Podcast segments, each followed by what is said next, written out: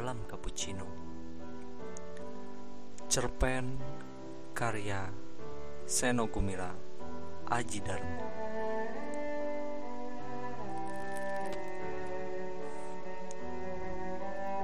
Seminggu setelah perceraiannya,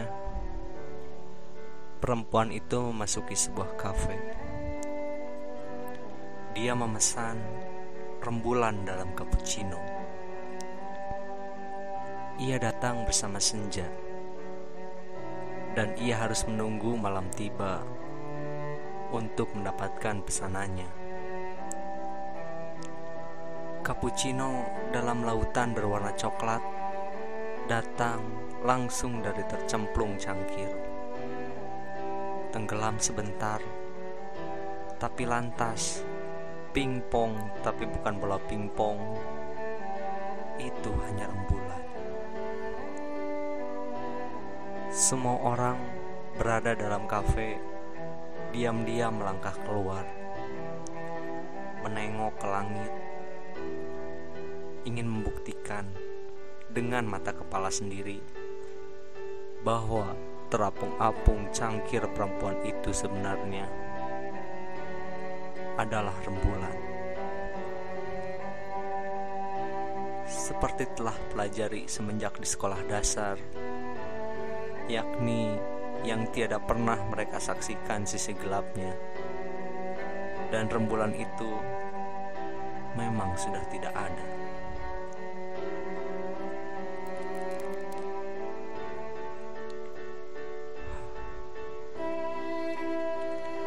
Mereka bergumam tapi tidak menjadi gempar. Bahkan pura-pura seperti tidak terpengaruh sama sekali. Mereka kembali duduk, berbincang dengan bahasa yang beradab, namun diam-diam melirik, seperti kepalsuan yang telah biasa mereka peragakan selama ini. Para pelayan yang berbaju putih berlengan panjang, mengenakan rompi dan berdasi kupu-kupu. Rambutnya tersisir rapi, diam-diam juga memperhatikan. Semenjak kafe itu berdiri 10 tahun lalu, baru kali ini ada yang memesan rembulan dalam cappuccino. Kafe itu memang menyediakannya. Dan minuman itu memang hanya bisa dipesan satu kali saja. Karena rembulan memang hanya ada satu.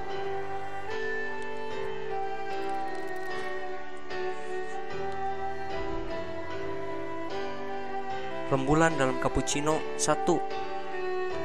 Teriak pelayan ke dapur. Dan kepala bagian dapur memijit-mijit nomor HP seolah-olah ada persiapan khusus.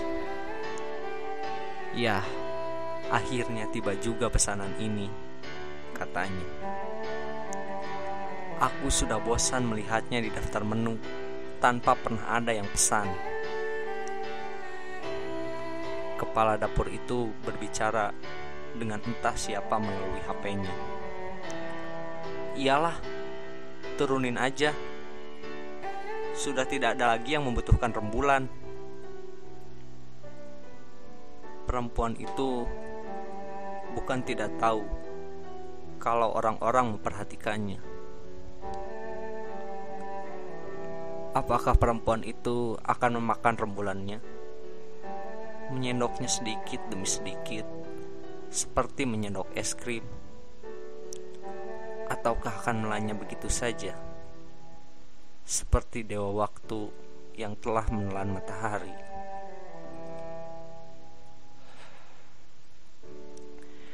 Ia memperhatikan rembulan yang terapung-apung di cangkirnya. Permukaan cappuccino masih dipenuhi busa putih, seperti pemandangan kutub utara. Tapi cappuccino itu panas, bagaikan masih mendidih. Ia senang dengan penampakan itu. Dingin tapi panas. panas, tapi juga dingin. Iya, segala sesuatu tidak selalu seperti tampaknya.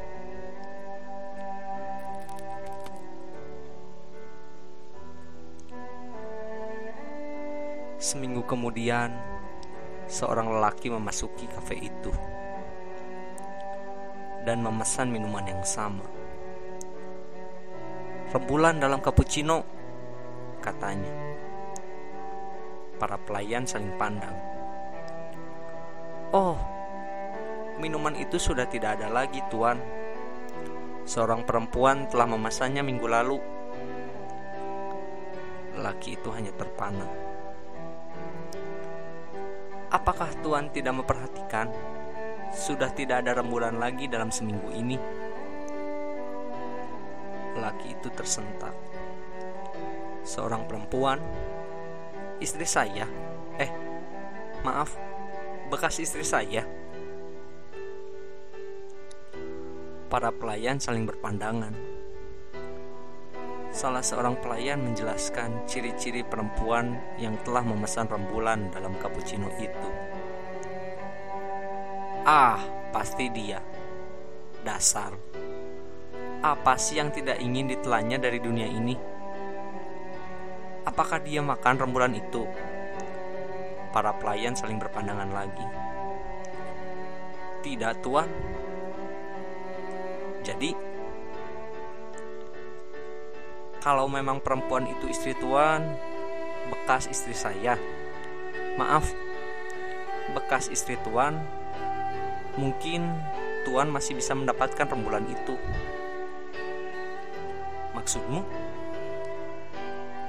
Dia tidak memakannya, tuan. Dia meminta rembulan itu dibungkus. Dibungkus? Iya, tuan. Ia tidak menyentuhnya sama sekali hanya memandanginya saja berjam-jam. Para pelayan di kafe itu teringat betapa perempuan itu mengaduk-aduk rembulan dalam cappuccino. Bahkan menyeruput cappuccino itu sedikit demi sedikit. Tapi tidak menyentuh rembulan itu sama sekali.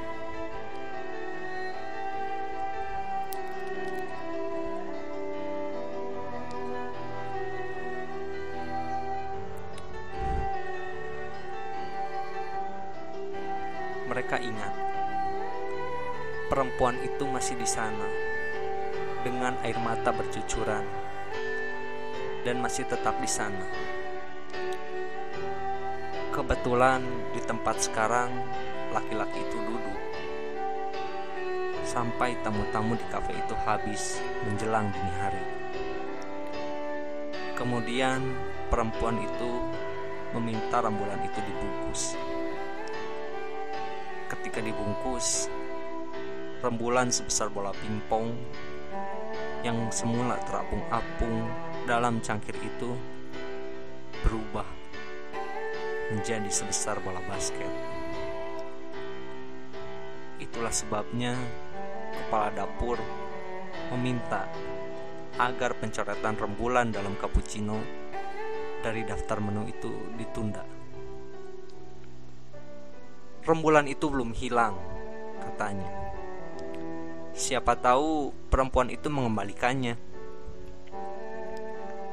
Laki itu memandang pelayan yang berkisah dengan seru. Ia baru sadar. Semua orang memandang ke arahnya. Ketika ia menoleh, tamu-tamu lain segera berpura-pura. Mereka berpura-pura tidak peduli. Kenyataannya penasaran sekali. Kalau dia muncul lagi, tolong katakan, saya juga mau rembulan itu. Iya, Tuan. Lelaki itu melangkah pergi. Tapi sempat berbalik sebentar. Dan tolong, jangan panggil saya Tuan, katanya. Seperti main drama saja. Padahal ia sangat menikmati perlakuan itu seperti yang dilakukan bekas istrinya sebelum mereka berpisah.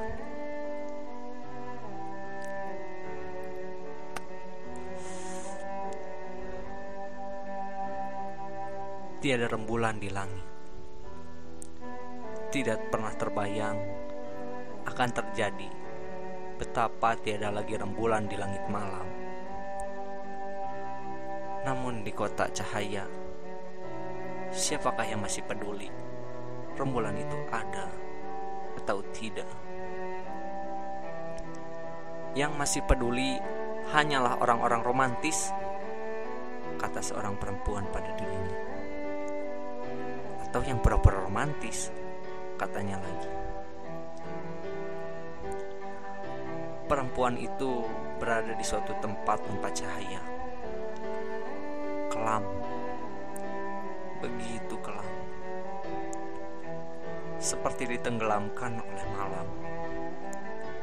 Sehingga bintang-bintang yang bertaburan tampak jelas. Terlalu jelas. Seperti peta dengan nama-nama kota. Perempuan itu belum lupa apalah arti nasib satu manusia di tengah semesta. Nasib yang sebetulnya jamak pula dialami siapa pun di muka bumi ini yang hanya sebesar merica. Namun ia merasa bagaikan kiamat sudah tiba.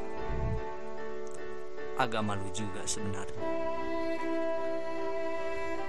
Banyak orang lain harus hidup dengan gambaran bagaimana ayahnya diambil dari rumahnya di tengah malam buta, digelandang dan diarak sepanjang kota, sebelum akhirnya disabet lehernya dengan celurit sehingga kepalanya menggelinding di jalan dan darahnya menyembur ke atas seperti air mancur yang deras sekali sampai menciprati orang-orang yang mengaraknya itu.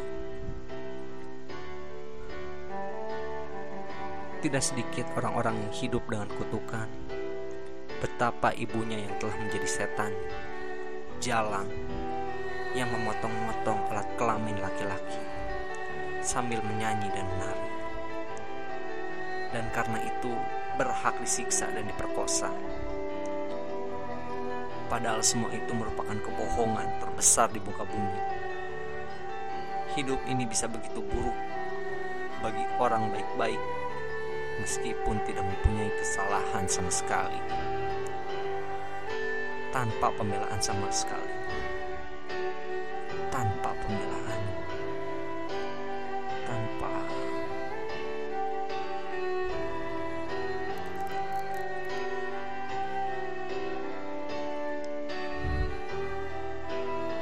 langit malam tanpa rembulan. Ada yang terasa hilang memang tapi selebihnya baik-baik saja. Tentu, kini hanya bisa dibayangkan bagaimana rembulan itu seperti perahu yang membawa kelinci pada malam hari dan mendarat di Pulau Jawa. Namun, tidakkah manusia lebih banyak hidup dalam kepalanya daripada dalam dunia di luar batok kepalanya itu? apabila dunia kiamat dan tidak ada sesuatu lagi kecuali dirinya sendiri, entah di mana. Ia bahkan masih memiliki sebuah dunia di dalam kepalanya. Tanpa rembulan di langit, ia bisa melihat rembulan seperti perahu membawa kelinci yang mendarat di Pulau Jawa. rembulan itu berada di punggungnya sekarang, terbungkus dan tersimpan dalam ransel. Apakah ia berikan saja kepada bekas suaminya itu, yang diketahuinya selalu bercita-cita memesan rembulan dalam cappuccino? Kalau mau kan, banyak cappuccino instan di lemari dapur. Dan meski rembulan di punggungnya semakin besar, bahkan sekarang sebesar bola basket. Nanti kalau mau dimasukkan cangkir, akan menyesuaikan diri menjadi sebesar bola pingpong. Dia dan bekas suaminya sebetulnya sama-sama tahu betul hukum dari rembulan itu. Tapi itu semua hanya cerita masa lalu.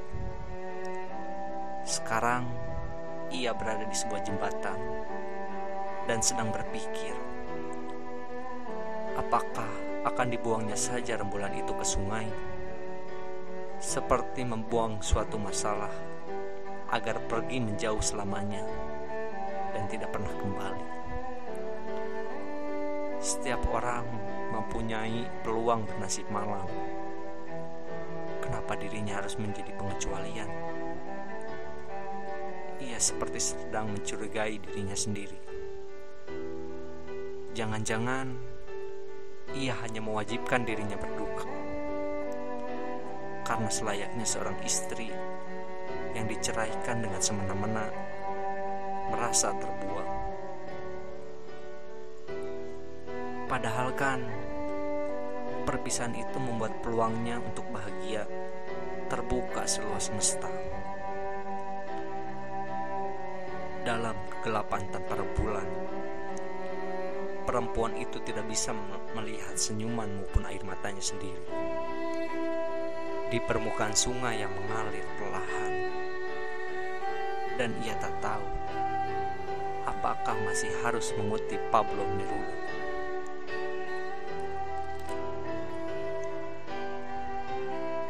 Tonight, I can write the such lines. Tiga minggu, tiga minggu kemudian, pada hari hujan yang pertama musim ini, perempuan itu muncul lagi di kafe tersebut. Saya kembalikan lagi rembulan ini. Bisa diganti soto Betawi? Itulah masalahnya. Tidak bisa, Puan. Kami tidak punya soto Betawi. Ini kan restoran Itali. Nah,